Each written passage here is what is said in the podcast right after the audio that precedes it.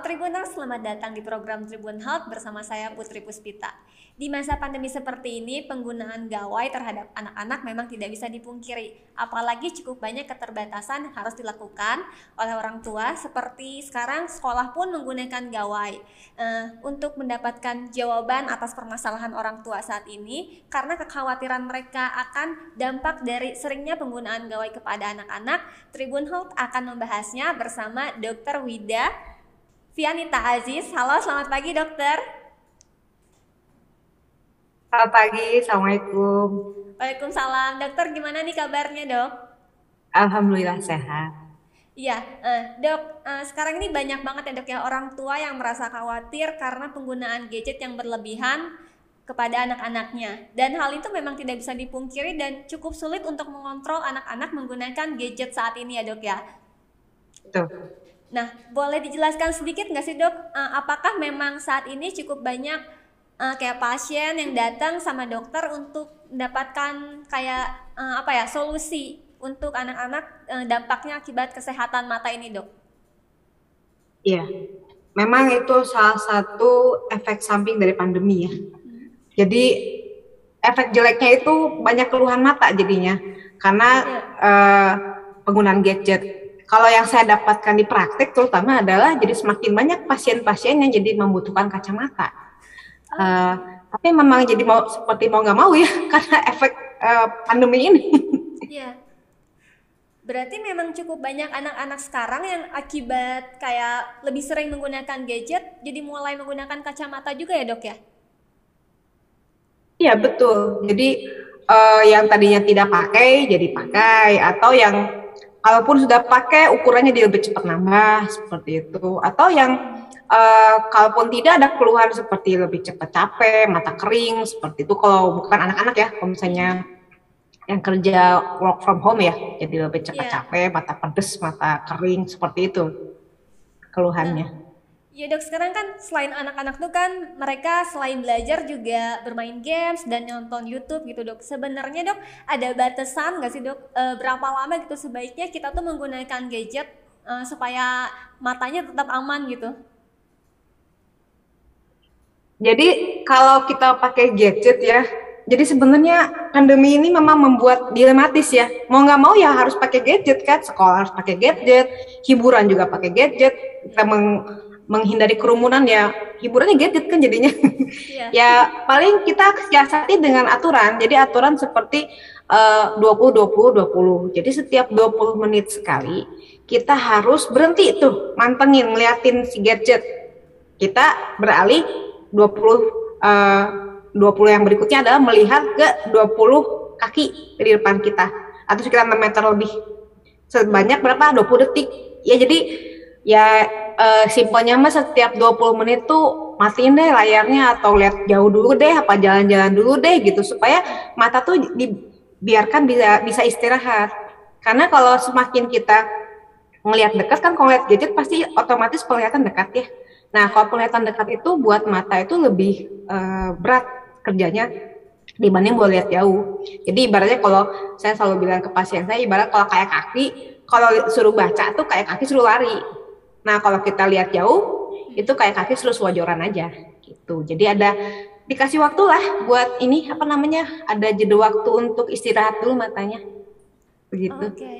Berarti memang ketika kita menggunakan gadget uh, kayak harus udah kasih alarm ya buat diri sendiri tribuners. Kita harus tetap lihat uh, ke jarak jauh supaya penglihatan kita kembali normal lagi ya, Dok ya.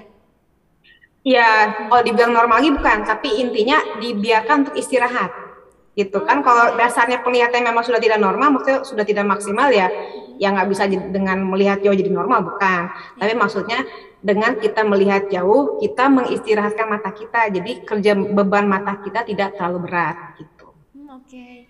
berarti dalam kayak di apakah setiap mata manusia itu memang memiliki sensitivitas yang berbeda-beda atau seperti apa ya dok Maksudnya sensitivitas gimana? Uh, jadi kan ada orang yang ketika melihat gadget tuh bisa kuat tahan lama, tapi ada juga yang yang aduh baru berapa menit udah capek kayak karena kayak matanya gatal atau jadi berair. Apakah itu tuh memang berbeda-beda atau seperti apa ya, Dok? Jadi sebenarnya itu tergantung dari pemakaian mata sih sebenarnya ya. Hmm. Jadi coba misalnya kita baru bangun tidur nih, baru bangun tidur, baru uh, ketutup mata kita lama ya. ya. Mata kita masih segar nih, masih lembab. Itu akan lebih lebih apa namanya lebih lama bisa kuat depan layar.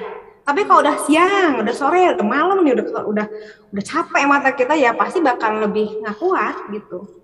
Atau misalnya seorang yang udah berjam-jam atau lama gitu ya jadi pegawai yang depan komputer pasti akan lebih sensitif untuk lebih cepat mengalami keluhan dibanding misalnya pegawai baru pegawai baru yang baru pakai uh, laptop ya baru-baru aja gitu. Jadi sensitivitasnya tergantung dari seberapa lama sih udah dipakai matanya gitu. Kalau baru-baru aja ya mungkin masih kuat. Tapi lama-lama ya capek gitu. Iya iya. Kata Nah, tadi juga menarik sih dok, karena kayak perubahan gaya hidup masyarakat sekarang, ketika bangun tidur pasti kita langsung lihat handphone kan, dan itu susah banget gitu untuk gak nggak lihat HP gitu. Iya betul. Nah, betul. harusnya berarti pas bangun tidur itu supaya tetap mata masih fresh itu gimana ya dok ya? Ya, kalau bangun tidur mah uh, insya Allah fresh sih. Biasanya mata kan baru ketutup ya. ya. Tapi maksudnya kalau misalnya kita pakai uh, untuk uh, pemakaian mata untuk gadget ya alangkah lebih bijaknya ya kita lihat sesuai dengan kepentingan lah. Ya kalau misalnya seperti saya ya ibu-ibu gitu bangun ya mendingan ngerjain hal-hal yang lain seperti beberes rumah dulu atau apa jangan liatin gadget terus kan yeah. apa yang nanti atau misalnya yang anak-anak murid sekolah nih mm-hmm. yang lagi hibrid kan kadang ada sekolah kadang di rumah kan yeah. ya kalau misalnya dia belum waktunya jam sekolah mulai ya jangan lihat gadget dulu kalau saya sarankan sih jadi uh, hiburannya jangan HP lagi lah atau jangan gadget lagi. Kan hiburan bisa tuh misalnya ya memang kadang-kadang susah ya.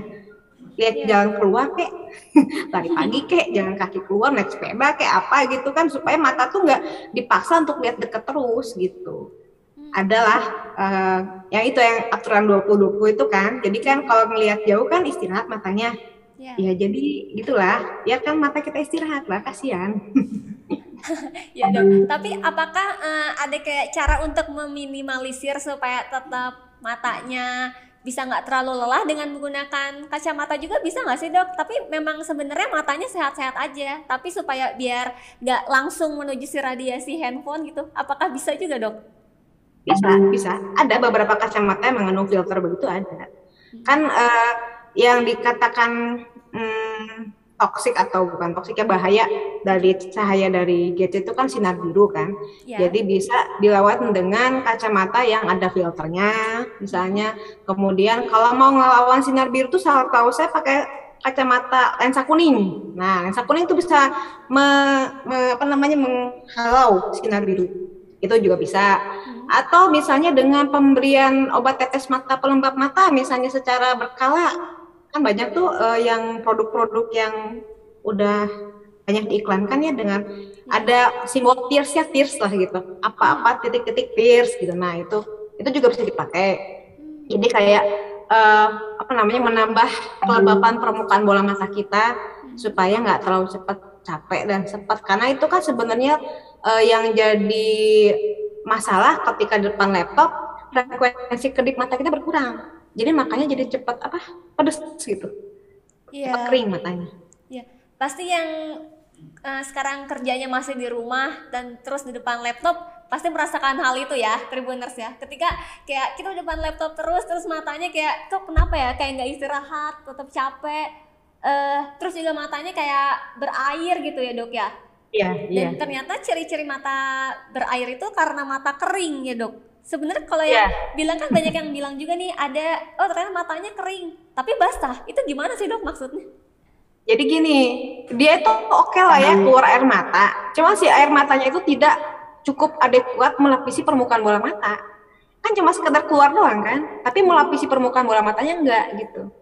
Jadi karena uh, ada rangsangan uh, nyeri perih pedih gitu kan mata tuh ada apa namanya refleks refleks ngedip Nah, refleks kedip itu pasti akan membuat keluarlah si produksi air mata itu.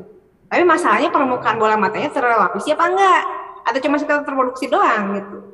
Kalau misalnya yang orang-orang muda sih biasanya ke keterlekatan air matanya ke permukaan bola mata masih bagus. Tapi kalau udah usia usia saya 40 tahun ke atas gini, kadang-kadang uh, si keterlekatan air mata ke bola mata tuh udah mulai bermasalah. Makanya keluar air mata keluar, tapi nggak nempel. Makanya walaupun berair, tapi kok sepet. Nah gitu. Soalnya nggak nempel ke permukaan bola mata. Iya, uh, boleh dijelaskan secara lebih detail lagi nggak sih dok soal kayak ketika mata lelah dan mata kering karena mungkin cukup banyak nih tribuners yang belum kenal juga sama ketika kondisi matanya itu sebenarnya sudah lelah tapi dipaksakan gitu dok. Hmm. Kalau yang lelah secara penglihatan hmm. Uh, gampang, jadi kurang fokus. Jadi yang tadinya bisa fokus ya, jadi kurang fokus. Jadi harus kedip-kedip dulu baru fokus. Nah itu udah tanda lelah deh tuh. Uh, karena kan tadi yang seperti saya katakan tadi, kalau kita lihat deket, mata itu seperti kaki disuruh lari, udah mulai capek tuh kan. Hmm. Nah, ketika kita kedip-kedip kan jadi kayak uh, istirahat bentar nih, terus yeah. disuruh lihat lagi, jelas lagi kayak gitu. Terus kalau misalnya uh, mengenai mata kering, yeah. mata kering ya kayak gejalanya seperti mengganjal, seperti berpasir matanya, pedes gitu. Kemudian apa ya gatal kadang-kadang berair itu gejalanya. Jadi udah ada alarm lah kalau misalnya mulai kerasa mata mulai aduh kayak ada yang ganjel nih aduh mulai pedes nih. Ya udah tuh tinggalin dulu layarnya. Bentar lah lihat yang luar dulu atau merem dulu sebentar ambil minum dulu atau apa dulu jangan dipantengin terus atau kalau uh, gampangnya ya kalau misalnya mau uh, apa praktisnya nih atur nih kita atur di laptop kita setiap 20 menit itu muncul screen savernya gitu Jadi kalau screen saver muncul, eh, kita pasti nggak akan lihat ke layar lagi kan? Yeah. Screen saver lah berapa? Semenit lah gitu. Nah gitu kita lihat lagi gitu. Okay. Akalinnya. Uh, tapi memang apa ya si keadaan ketika mata kering dan kayak basah sebenarnya yang harus kita lakukan nih untuk membuat mata kita sehat kayak per, uh, pertolongan pertama nih harus bisa kita lakukan apa sih dok kayak apakah memang harus menggunakan cairan mata khusus atau seperti apa ya dok? Oh paling sederhana mah ya mbak ya merem. ya sih paling sederhana itu paling merem aja udah dengan merem itu akan produksi air mata tuh akan keluar akan melapisi permukaan bola mata kita dan menghambat penguapan dari per, dari air mata yang melapisi permukaan bola mata kita. Itu paling sederhana itu merem atau tapi jangan sampai ketiduran ya kalau lagi tengah-tengah kerjaan. Nah kalau uh, pingin takutnya kalau mau jadi ketiduran ya itu pakai air mata buatan tetes mata air mata buatan. Boleh kok mau sejam sekali boleh dua jam sekali boleh nggak masalah. Insya Allah itu aman uh, obat tetesnya. Terutama kalau mau dipakai jangka waktu lama uh, sebaiknya pakai obat tetes yang tanpa pengawet jadi kan kalau di uh, pasaran tuh obat tetes tuh ada yang botol, ada yang bentuknya mini dos yang kecil-kecil. Nah, ya. yang tanpa pengawet itu sebaiknya dia pakai kalau mau dipakai uh, sering supaya apa namanya bisa mengurangi gejala mata kering tersebut. Oke. Okay. Ya berarti uh, Tribuners kalau memang sudah ada yang punya gejala seperti mata kering, mata lelah, uh, kalian bener ya kata dokter Wida tadi uh, bisa coba datang ke apotek, tapi juga pilih si obat cairan tetes matanya ini yang tanpa bahan pengawet itu ya dok ya, yang cuman bukan yang di botol berarti ya? Uh, gini, hmm? yang nomor satu harus diingat adalah mintanya obat tetes air mata buatan. Lihat-lihat lagi, soalnya kadang-kadang ini saya mah lihat uh, fenomena yang saya dapatkan dari pasien-pasien saya ya. Hmm. Sebelum datang berobat kan kadang-kadang pasien tuh suka males tuh ya datang ke dokter udah ngobatin duluan. Uh, datang ke apotek dikasih obatnya malah yang keras malah yang nggak boleh dipakai sembarangan. Jadi kalau mau aman, belinya itu yang di uh, toko kayak di titik-titik mart itu loh. Oh, iya? Saya nggak mau promosi. Jadi uh, intinya beli yang dijual bebas. Soalnya kalau nggak dijual bebas, misalnya Tribuners mintanya dari apotek, hmm. itu kadang-kadang suka dikasihnya langsung yang keras dan nggak boleh dipakai. Takutnya malah bikin efek samping yang lain gitu loh. Jadi kalau mau amannya mah, pertolongan pertama itu beli obat tetes yang dijual bebas dan ada simbol tearsnya lah apa titik-titik tears gitu. Uh, nama merek tears nah gitu. Itu biasanya ada mengandung komponen air mata buatannya gitu. Dan ternyata si obat cairan itu juga boleh digunakan berkali-kali ya dok ya, karena kan cukup banyak orang yang bilang gak boleh jangan dipakai sering-sering, takut nanti uh, apa nih kenapa di uh, jangka panjangnya bakal berdampak apa gitu dok. Ternyata boleh ya dok. Nah itu dia makanya saya tadi bilang lihat-lihat obatnya. Kalau obat yang di apotek, nah takutnya tuh salah satunya yang itu yang tadi dikatakan bisa kalau dipakai sering bikin efek samping. Nah makanya belinya yang dijual bebas kalau dijual di apotek tuh kadang-kadang ya yang mengandung steroid, mengandung obat uh, anti radang. Memang itu dikatakan sebagai obat dewa. Ya obat dewa itu dikasih obat itu dikit aja udah langsung enak. Tapi masalahnya efek sampingnya nggak tahu kan masyarakat awam. Nah yang saya khawatirkan nanti masyarakat awam udah tahu oh ini enak nih pakai obat ini, ah beli lagi ah gitu. Padahal efek sampingnya nggak main-main loh, bikin kebutaan makanya jadi hmm, se, se, se, sehebat itu uh, apa masalahnya karena itu sering banget terjadi obat uh, mata dapat dapat dari apotek hmm. biasanya kan gini ya orang tuh suka minta pingin yang pedes dong gitu biar mata cepat sembuh yeah. dikasihnya yang dikasihnya yang mengandung anti radang begitu nah malah fatal dipakai lagi pakai lagi nanti jadi nggak lihat nah malahnya nggak lihatnya yang sifatnya irreversibel yang nggak bisa balik lagi. Jadi harus hati-hati banget. Penggunaan obat tetes lebih baik obat tetes yang dijual bebas. Jadi jangan yang beli di apotek. Kalau di apotek harus indikasi dokter. Gitu. Hmm, oke. Okay. Uh, eh, ini kan banyak banget ya dok macam-macamnya. Apa bedanya sama uh, ada nih kayak cairan untuk uh, supaya mata tetap fresh, kayak untuk membersihkan si bola mata aja gitu. Itu juga apa ya dampaknya apa ya dok? Nah, uh, saya perlu tahu namanya sih Mbak. Soalnya uh, banyak yang dibilangin sebagai pembersih bola mata itu apaan atau apakah sama seperti pembersih kontak lens misalnya? Kan macam-macam ya. Hmm. Nah, harus tahu namanya dulu apa. Intinya uh, kalau misalnya dia adalah suatu air mata buatan itu insya Allah aman, boleh pakai uh, apa namanya sesering mungkin. Tapi kalau dia sudah mengandung anti radang, mengandung antibiotik, itu sebaiknya sesuai indikasi dari dokter gitu. Kalau yang setahu saya yang dijual bebas itu ada yang uh, apa namanya? Kalau nggak salah saya lihat iklannya deh. Ada satu kan jadi yang satu buat mata kering, yang satu buat mata merah. Nah itu uh, itu insya Allah sih relatif aman karena kalau yang buat eh, mata merahnya itu cuma sekedar obatnya mengandung seperti uh, zat yang membuat pembuluh darah tuh jadi menyempit jadi mata nggak merah kan mata kita merah itu karena uh, pembuluh darah di permukaan bola mata kita melebar karena ada reaksi radang atau iritasi kayak gitu. Ya. Nah tadi juga dok bahas soal kayak pembuluh pembuluh mata, pembuluh darah, darah mata ya. kita itu kan suka jadi banyak yang merah nih. Terus banyak juga yang bertanya-tanya apakah ketika sering menggunakan gadget si mata tuh jadi si pembuluh darah matanya jadi kayak lebih terlihat gitu dok. Itu juga dampak dari penggunaan gawai ya dok? Iya, iya, karena kan bikin mata kering kalau mata kering, dia lebih uh, rentan untuk terjadi iritasi.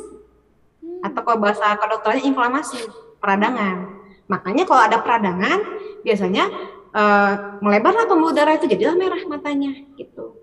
Nah, kalau misalnya untuk pertolongan pertama mah untuk meredakan mata merah tersebut, ya pakai itu aja yang dijual bebas. Boleh, tapi jangan di apotek. Ya, bahaya soalnya.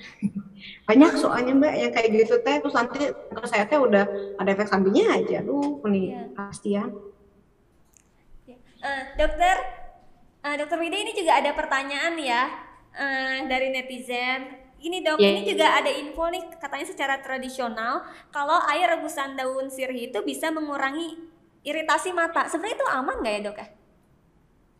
Jadi intinya daun sirih itu uh, sifatnya antiseptik sih sebenarnya. Ya kalau misalnya yakin bahwa rebusan itu bersih, mangga. Asal jangan uh, terkontaminasi ya. Kalau terkontaminasi nanti malah jadi bikin infeksi ke bola matanya. Intinya itu seperti apa ya? Uh, obat tradisional kan yang mengandung antiseptik gitu. Mangga sih kalau misalnya yakin bersih, tapi kalau nggak yakin kebersihannya mending jangan.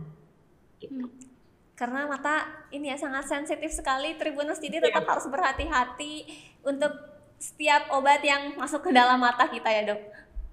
Hmm.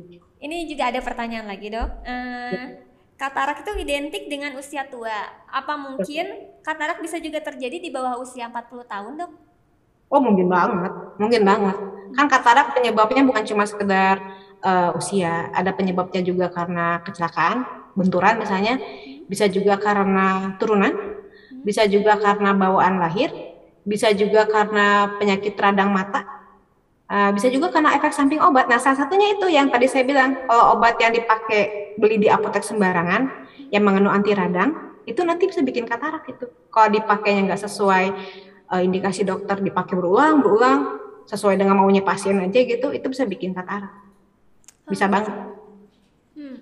Oke, okay. uh, baik Tribuners. Jadi si kesehatan mata saat ini juga sangat penting ya Tribuners kalian tetap harus berhati-hati dalam penggunaan cairan tetes mata dan juga tentunya tetap harus aware gitu dengan saat kita menggunakan gadget jangan sampai kita tetap scroll scroll uh, tapi tahunya udah berjam-jam nih dan kita nggak sadar kalau kita sudah menghabiskan waktu lama dan mengabaikan kesehatan mata kita uh, ini juga dok banyak fenomena saat ini yang anak-anak tuh matanya jadi merah gitu karena penggunaan gawai yang terlalu lama. Nah, apakah si kesehatan mata yang merah ini tuh sebenarnya bisa disembuhkan nggak ya dok ya? Kalau cuma sekedar mata merah karena peradangan, hmm. terus jadi infeksi, infeksi hanya permukaan bola mata saja, hmm. insya Allah dengan pengobatan sih bisa sembuh. Tapi yang kita khawatirkan gini, kalau misalnya dia matanya nggak nyaman, hmm. uh, perih gitu ya, terus gatal, terus kan anak-anak mah suka apa ya refleks ya, ngucek ya. Nah, iya. kalau ngucek mata, masalahnya itu takutnya bikin lecet ke bagian kornea mata. Nah, itu bisa fatal karena kalau lecet di bagian kornea mata, dia lecetnya itu si bekas luka lecetnya tuh nggak bisa hilang seumur hidup. Jadi benar-benar harus hati-hati nggak boleh ngucek mata gitu. Karena ngucek mata tuh bisa bikin lecet dan lecetnya nggak bisa hilang. Gitu. Menghalangi penglihatan. Um, apalagi ya buat anak-anak itu. Terus ya itu tadi yang seperti saya bilang kalau sekarang sejak pandemi banyak pasien yang tadi nggak pakai kacamata jadi pakai kacamata.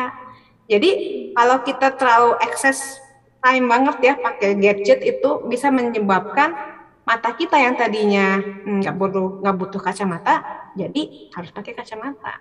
Itu sih efeknya ke anak-anak sekarang Oh iya, uh, ada juga sih dok? Uh, kan banyak juga tuh kayak video-video yang bilang pakai karena akibat main gadget si pembuluh darah matanya pecah. Ah, Dan ya. itu kayak ini beneran uh, bisa terjadi nggak ya kayak gitu?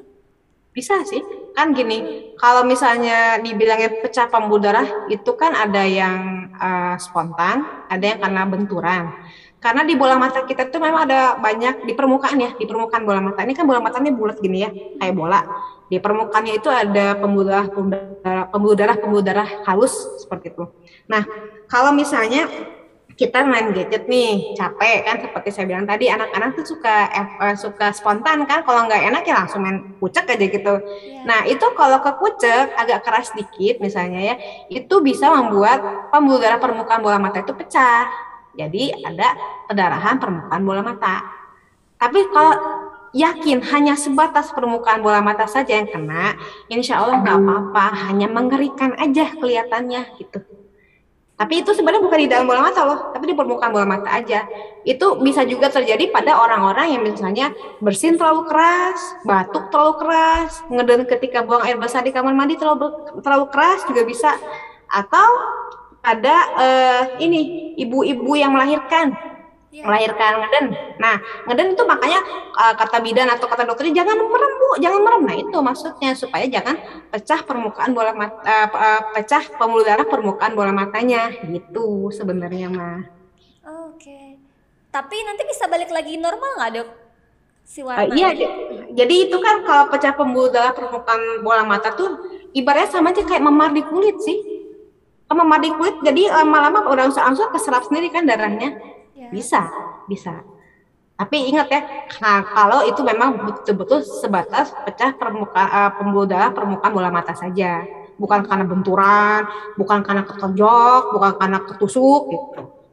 Itu mah oke okay lah. Kalau misalnya spontan, insya Allah uh, aman, hanya memang penampilannya mengerikan gitu. Ah. Dan salah satu lagi bisa sering mengenai orang-orang yang darah tinggi biasanya hipertensi Oke. Uh, dokter ini juga ada kan sekarang tuh banyak banget dok. Uh, kayak untuk menunjang penampilan banyak orang yang gak cuma cewek doang tapi sekarang juga cowok uh, seneng pakai kontak lens nih dok. Dan ya, warnanya ya. banyak yang senang pakai warna abu atau coklat gitu gitu ya dok ya supaya terlihat lebih lucu gitu. Nah tapi sebenarnya ada tips dan trik juga nggak sih dok cara uh, supaya tetap aman gitu ketika menggunakan kontak lens ini dok? Oke. Intinya nomor satu adalah komitmen. Komitmen mau repot kalau pakai lensa kontak itu. Karena jangan main-main, itu lensa kontak langsung dipasangkan ke mata. Jadi kalau ada apa-apa itu langsung mata jadi korban. Jadi makanya kalau uh, saya bicara ke pasien, saya selalu bilang harus mau repot, repot tidak uh, lupa untuk melepaskan lensa kontak sebelum tidur, mau repot kuku nggak boleh panjang, mau repot sepagi-pagi sebelum aktivitas, mau dipakai tuh lensa kontak dicuci dulu, dipasangin ke mata, kan kuku nggak boleh panjang kan, nanti lensa kontaknya ke tojos, nanti ini apa namanya, uh, robek kan, ya. uh, atau bukan masalah lensa kontaknya robek, kecolok matanya, berabe lah semua kan, Nanti kalau ber, kena kecolok mata, kena ke kornea, nanti bekasnya nggak bisa hilang seumur hidup. Jadi makanya saya selalu uh, bilangnya ke pasien sih yang saya percaya mah biasanya yang udah uh, lulus SMA ke atas lah pakai lensa kontak. Karena kalau misalnya di bawah itu komitmennya nggak bisa dipercaya ya, susah, takut, iya, iya. kasihan matanya. Iya, apalagi sekarang jajannya misalnya yang pedas-pedas gitu seblak, cimol gitu kan. Iya, Terus taunya bisik mata kan serem juga ya dok. Iya. Jadi kalau pakai lensa kontak bisa misalnya nih anak-anak misalnya yang orang tuanya pingin mereka tuh tampil misalnya ya bolehlah pakai cuma sekali dua kali tapi diawasi oleh orang tua dan harus yakin tuh lensa kontak dilepasin dan dipakainya aman Nah, jadi intinya komitmen menjaga jangan sampai lensa kontak itu melukai mata kita. Dan kalau misalnya kepake sampai ketiduran tuh itu bisa bikin infeksi soalnya mbak bisa bikin uh, korneanya mengalami uh, infeksi yang bikin lecetnya itu nggak bisa hilang itu. Oke. Okay. Kalau misalnya ketiduran gitu dok pakai kontak lens kan suka ada video-video yang nempel terus diambil gitu. Itu sebenarnya gimana ya dok? Diambilnya ya gini, kan lensa kontak itu kan terpasang di kornea mata kita. Hmm. Masalahnya ketika dia merem kan jadi nggak bisa ngerak tuh eh, si permukaan bola mata juga kalau misalnya ada kotoran atau, atau apa di permukaan lensa kontak kan terus aja diem di situ kan yeah. kalau waktu kita bangun lah oke okay lah ada proses kedip kan ada proses kedip jadi bisa ada dibilas oleh permukaan oleh bola apa air mata atau apa gitu kan. Tapi kalau merem diem aja di situ lensa kontaknya. Ada kuman udah itu keadaannya kalau merem kan berarti lebih apa ya lebih keadaan sekitar lensa kontaknya lebih menunjang kuman untuk tumbuh kan. Yeah. jadi makanya bahaya. Makanya harus dilepas tuh lensa kontaknya kalau lagi tidur gitu. Kalau masa dilepas maksudnya maksud mbak itu nanti pas satu tidur lepas sendiri gitu maksudnya Iya kan banyak tuh yang lupa mereka lupa untuk ngebuka si kontak lensnya terus ya. ke bawah tidur terus si kontak lensnya tuh nyelip nyelip di atas kelopak mata gitu dok Oh bisa, bisa aja. bisa banget. Kan lensa kontak bisa geser. bisa banget. Makanya harus hati-hati. Nanti masalahnya kalau kalau udah ngegeser terus nge ngegesek korneanya sama lecet juga nanti keluarnya. Duh, sayang deh mata modal banget kan ya mata ya. Iya. Tribuners jadi memang sangat harus berhati-hati sekali ya dalam penggunaan apa pun kontak lens meskipun kayak oh lucu nih cocok tapi tetap apakah kita bisa nih berkomitmen gak nih untuk tetap stay clean juga ya menggunakan ya, kontak ya, lens? Betul, betul, betul. Uh, dokter ini juga ada ada pertanyaan. Uh, ya. Dok, apakah ketika main gadget dalam kondisi pencahayaan gelap atau lampu dimatikan memang bisa mempercepat kerusakan mata, dok? Uh, jadi kan kalau misalnya dalam keadaan mata kita di tempat gelap ya, itu kan mata kita pupilnya jadi melebar. Melebar itu jadi sinar bakalan lebih banyak masuk ke dalam mata kita ya enggak sih nah kan di gadget itu ada mengandung sinar biru itu Blu-ray itu kan nah sinar Blu-ray itu bisa bikin uh, kerusakannya dari sejak bagian depan mata kornea itu bisa bikin mata kering, bisa jadi cepat iritasi korneanya. Terus makin ke dalam lagi ada lensa, lensa kalau uh, dipapar terus oleh Blu-ray terus menerus akan lebih mengalami uh, kataraknya bisa lebih cepat bisa membentuk uh, katarak. Kemudian belakang lagi dari lensa ada syaraf mata. Syaraf mata kok kena Blu-ray terus menerus, itu bisa bikin kerusakan juga di syaraf mata retina kita. Nah, padahal di retina itu kan banyak eh, sel-sel uh, yang berfungsi untuk menangkap cahaya kan. Jadi kalau misalnya rusak nanti ya bisa merusak uh, penglihatan secara keseluruhan. Dan kalau misalnya sinar Blu-ray itu kan kalau masuk terlalu banyak itu bisa mengganggu uh, apa namanya uh, hormonal itu membuat kita nggak bisa tidur gitu. Iya.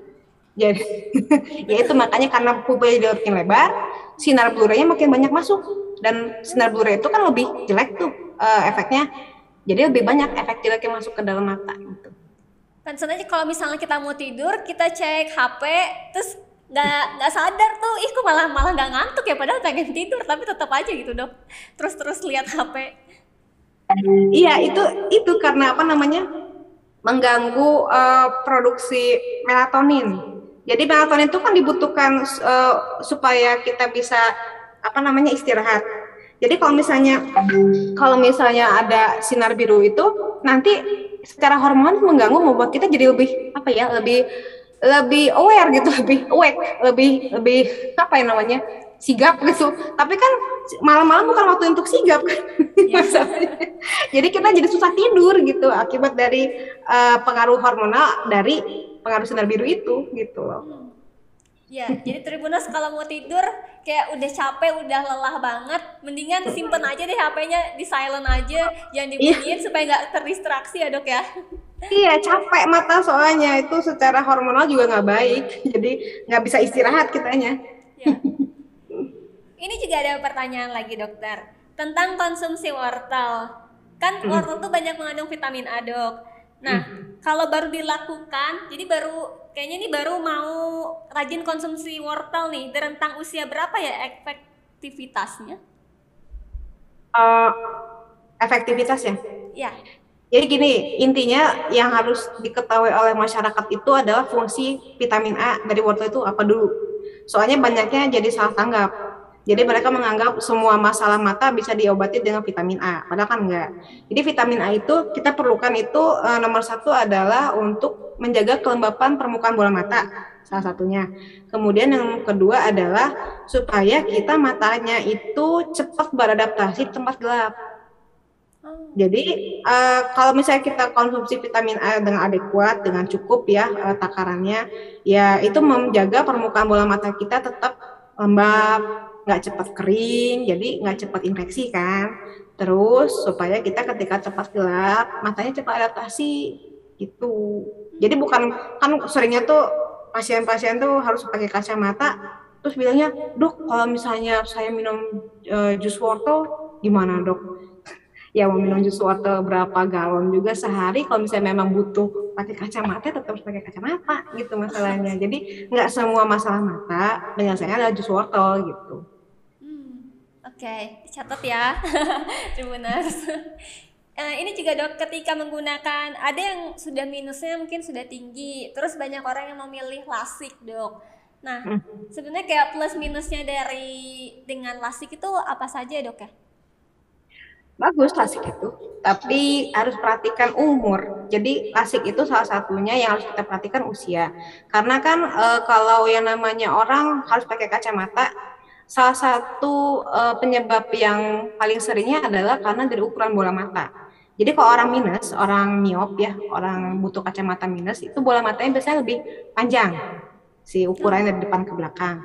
Nah, kalau panjang itu kan analoginya kayak ukuran kaki ya.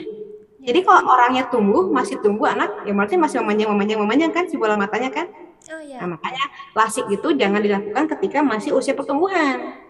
Nanti percuma aja udah dilasik, nanti dia memanjang lagi bola matanya miopnya lagi miopnya tuh timbul lagi minusnya timbul lagi. Jadi biasanya uh, disarankan itu ketika usia udah dewasa usia 18 21 gitu.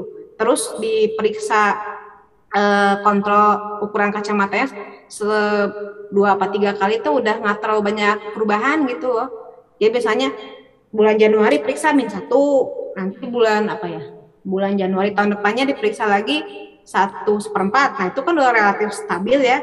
Nah yang nggak boleh misalnya bulan Januari tahun ini minus satu, eh tahun depan ternyata minus dua. Ah tuh masih ini ya masih sangat uh, fluktuatif banget ukurannya, jangan dulu gitu. Karena kan nanti rugi juga.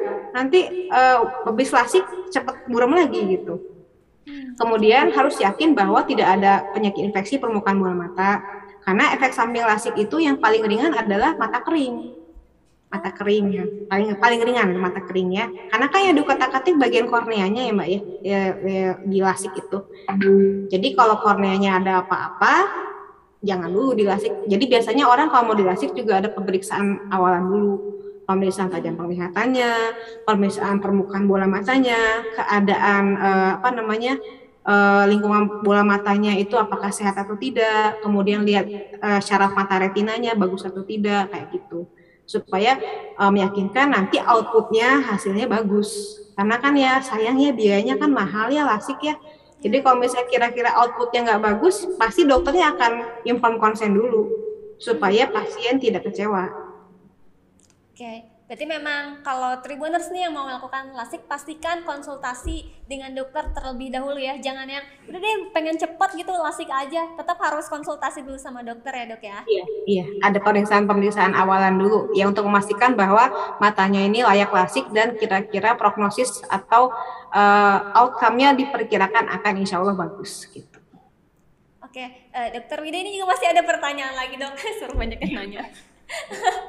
ini uh, jadi dok konsumsi nutrisi apa dan olahraga seperti apa sih untuk menjaga kesehatan mata? olahraga. Sebenarnya olahraga apa pun yang dilakukan outdoor itu bagus loh. Intinya kan lihat jauh gitu loh. Ya mungkin olahraga yang nggak bagus catur kali ya, ya itu jangan kan bukan di, di luar ruangan.